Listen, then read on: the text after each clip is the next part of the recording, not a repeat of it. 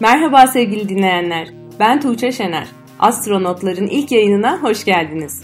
Kenan Arslan, Emine Gülmez, Olcay Tuğ Özgüllü, Sena Nur Yılmaz ve Kadir Uluç'tan oluşan ekibimizle her hafta farklı bir astronomi ve uzay konusunu ele alacağımız yepyeni bir podcast kanalıyla karşınızdayız.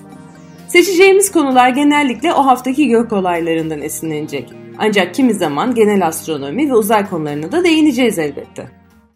İlk yayınımızda önce kısaca 2019'un kayda değer gök olaylarını gözden geçirelim istedik. Parçalı ay tutulmasının ve Merkür'ün güneş önünden geçişinin yanı sıra 2019 Elon Musk'ın Starlink uydularını yörüngeye göndermesi ve dünyanın en büyük teleskobu olma iddiasındaki 30 metrelik 30 Meter Telescope yerleşkesinin inşaatına karşı çıkan yerel halkın ayaklanması ile de akıllarda kalacak bir yıl oldu.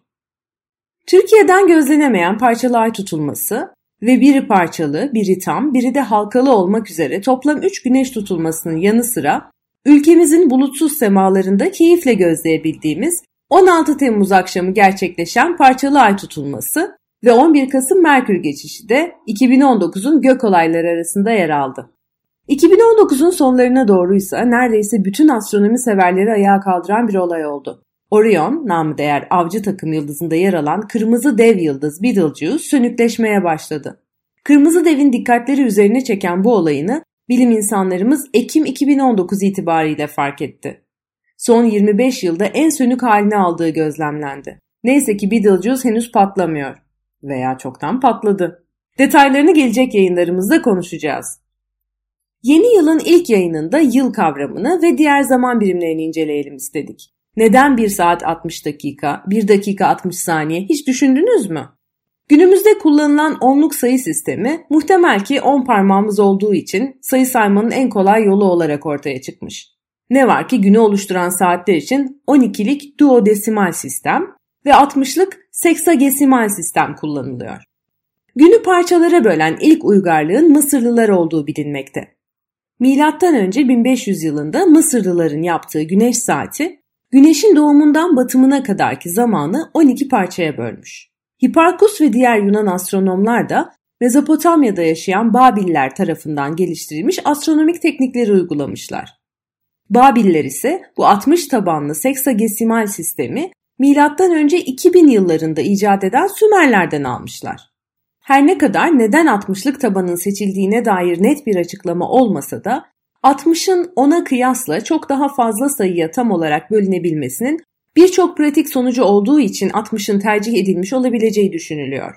Yani 1 saatin 60 dakika ve bir günün 24 saat olması bize Babillerin mirasıdır diyebiliriz.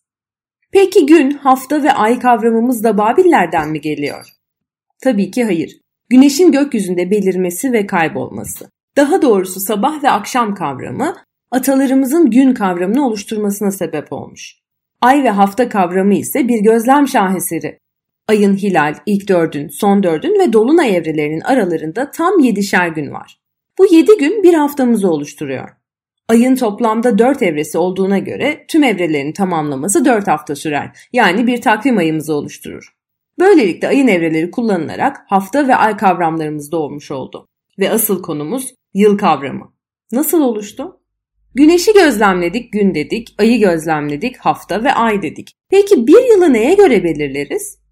Yıl kavramının ortaya çıkması aslında çok uzun zaman almış. Ticaret gelişince aydan daha uzun bir zaman dilimine, yıllık bir döngüye ihtiyaç duyulmuş. Bu zamana kadar ay takvimi kullanılırken bundan sonra birçok takvim denenmiş. Örnek olarak Güneş takvimi, Roma takvimi ve Julian takvimini verebiliriz. Romalılar Jules Caesar zamanında Julian takvimini kullanmaya başlamış. Jules Caesar bu takvimi İskenderiyeli astronom Sosigenes'e yaptırmış. Hatta İngilizce'de July yani Temmuz ayının adı da Jules Caesar'dan gelmekte. Julian takvimi 1650 yıl kullanılmış olsa da Sosigenes'in artık yılları hesaba katmadığı ve bu yüzden de mevsimsel kaymalar meydana geldiği fark edilince bu duruma müdahale edilmesi şart olmuş. Nihayetinde Papa 13. Gregori'nin emriyle 5 Ekim 1582 tarihine 10 gün eklenerek takvimler 15 Ekim 1582 olarak güncellenmiş. Hatta bu iki gün de Cuma'ya denk geldiği için çok büyük bir sıkıntı yaşanmadığı ve kolay bir adaptasyon olduğu da kayıtlara not düşülmüş. Bu takvim İsa'nın doğumu ile başlar ve dünyanın güneş etrafındaki dönüş süresi olan 365 gün 6 saatlik süreyi bir yıl olarak kabul eder. Yıl kavramı sadece bununla kalmaz. Ay yılı, kozmik yıl gibi çeşitleri vardır. Ay yılı ayın 12 evresine göre hesaplanır ve 354 gün 8 saat uzunluğundadır. Kozmik yıl, Güneş sisteminin Samanyolu galaksisinin merkezi etrafında attığı bir turun süresidir ve yaklaşık 225 milyon yıla denk gelir. Bunlara ek olarak bir de ışık yılı var ancak ışık yılı aslında bir zaman değil mesafe ölçüsüdür. Işığın bir yılda kat ettiği yol olan bir ışık yılı yaklaşık 9,5 trilyon kilometrelik bir mesafeye karşılık gelir. İnanmıyorsanız ışık hızını saniyede kabaca 300 bin kilometre alıp bunu bir yıldaki saniye sayısı olan 31 milyon 536 bin ile çarparak kontrol edebilirsiniz. Yayın bittiği zaman bunu yapmayı ya unutacak ya da üşeneceksiniz biliyoruz. Hadi şimdi durdurup hesaplayın. Gelelim Güneş sistemimizdeki diğer gezegenlere. Tıpkı Dünya gibi Güneş sistemindeki diğer gezegenler de Güneş etrafında eliptik bir yörüngede hareket etmekte. Dünyanın kendi etrafında bir turunu tamamlaması ile bir gün, Güneş etrafındaki bir turun tamamlaması ile de bir yıl oluştuğunu biliyoruz. Her gezegenin Güneş'e olan uzaklığı farklı olduğu için Güneş etrafındaki yörüngede bir tam turu tamamlamak için geçirdikleri süre de farklı. Haliyle her gezegendeki yıl ve gün süresi de farklı. Güneş sistemindeki en kısa yıl tahmin edeceğiniz üzere Güneş'e en yakın olan Merkür'de. Merkür'ün bir yılı hepi topu 88 gün sürüyor. En uzun yıl ise tabii ki Güneş sisteminin en dış gezegeni olan Neptün'de. Yaklaşık 165 dünya yılı sürüyor. En kısa gün Güneş sisteminin kırmızı gözlü gezegeni Jüpiter'de yaşanıyor. Ortalama 9 saat 55 dakika. En uzun gün rekoru ise güzellik tanrıçası Venüs'te. Venüs'ün bir günü 243 dünya gününe denk. Yıl tanımlarına ve sürelerine kısaca değindik ama önemli bir konuya atlamak olmaz. Her 4 yılda bir karşımıza çıkan artık yılı nasıl unuturuz? Hem de içinde bulunduğumuz 2020'de bir artık yılken. Neden artık yıl deriz? Gelin önce bir ona bakalım. Bir yıla kabaca 365 gün deriz ama sonrasında 6 saat diye de ekleriz. Peki nereye gider bu 6 saat? Bir yılı 365 gün olarak saydıktan sonra geri kalan 6 saati cebimize koyarız ve 4 sene bekleriz. 4 senenin sonunda bir gün eden 24 saat tamamlandığında bunu da takvimlerimizin Şubat ayına bir gün olarak ekleyip 29 Şubat'ı yaşarız. Bu yıla artık yıl deriz ve bu nedenle her 4 yılda bir Şubat ayı 28 yerine 29 gün sürer.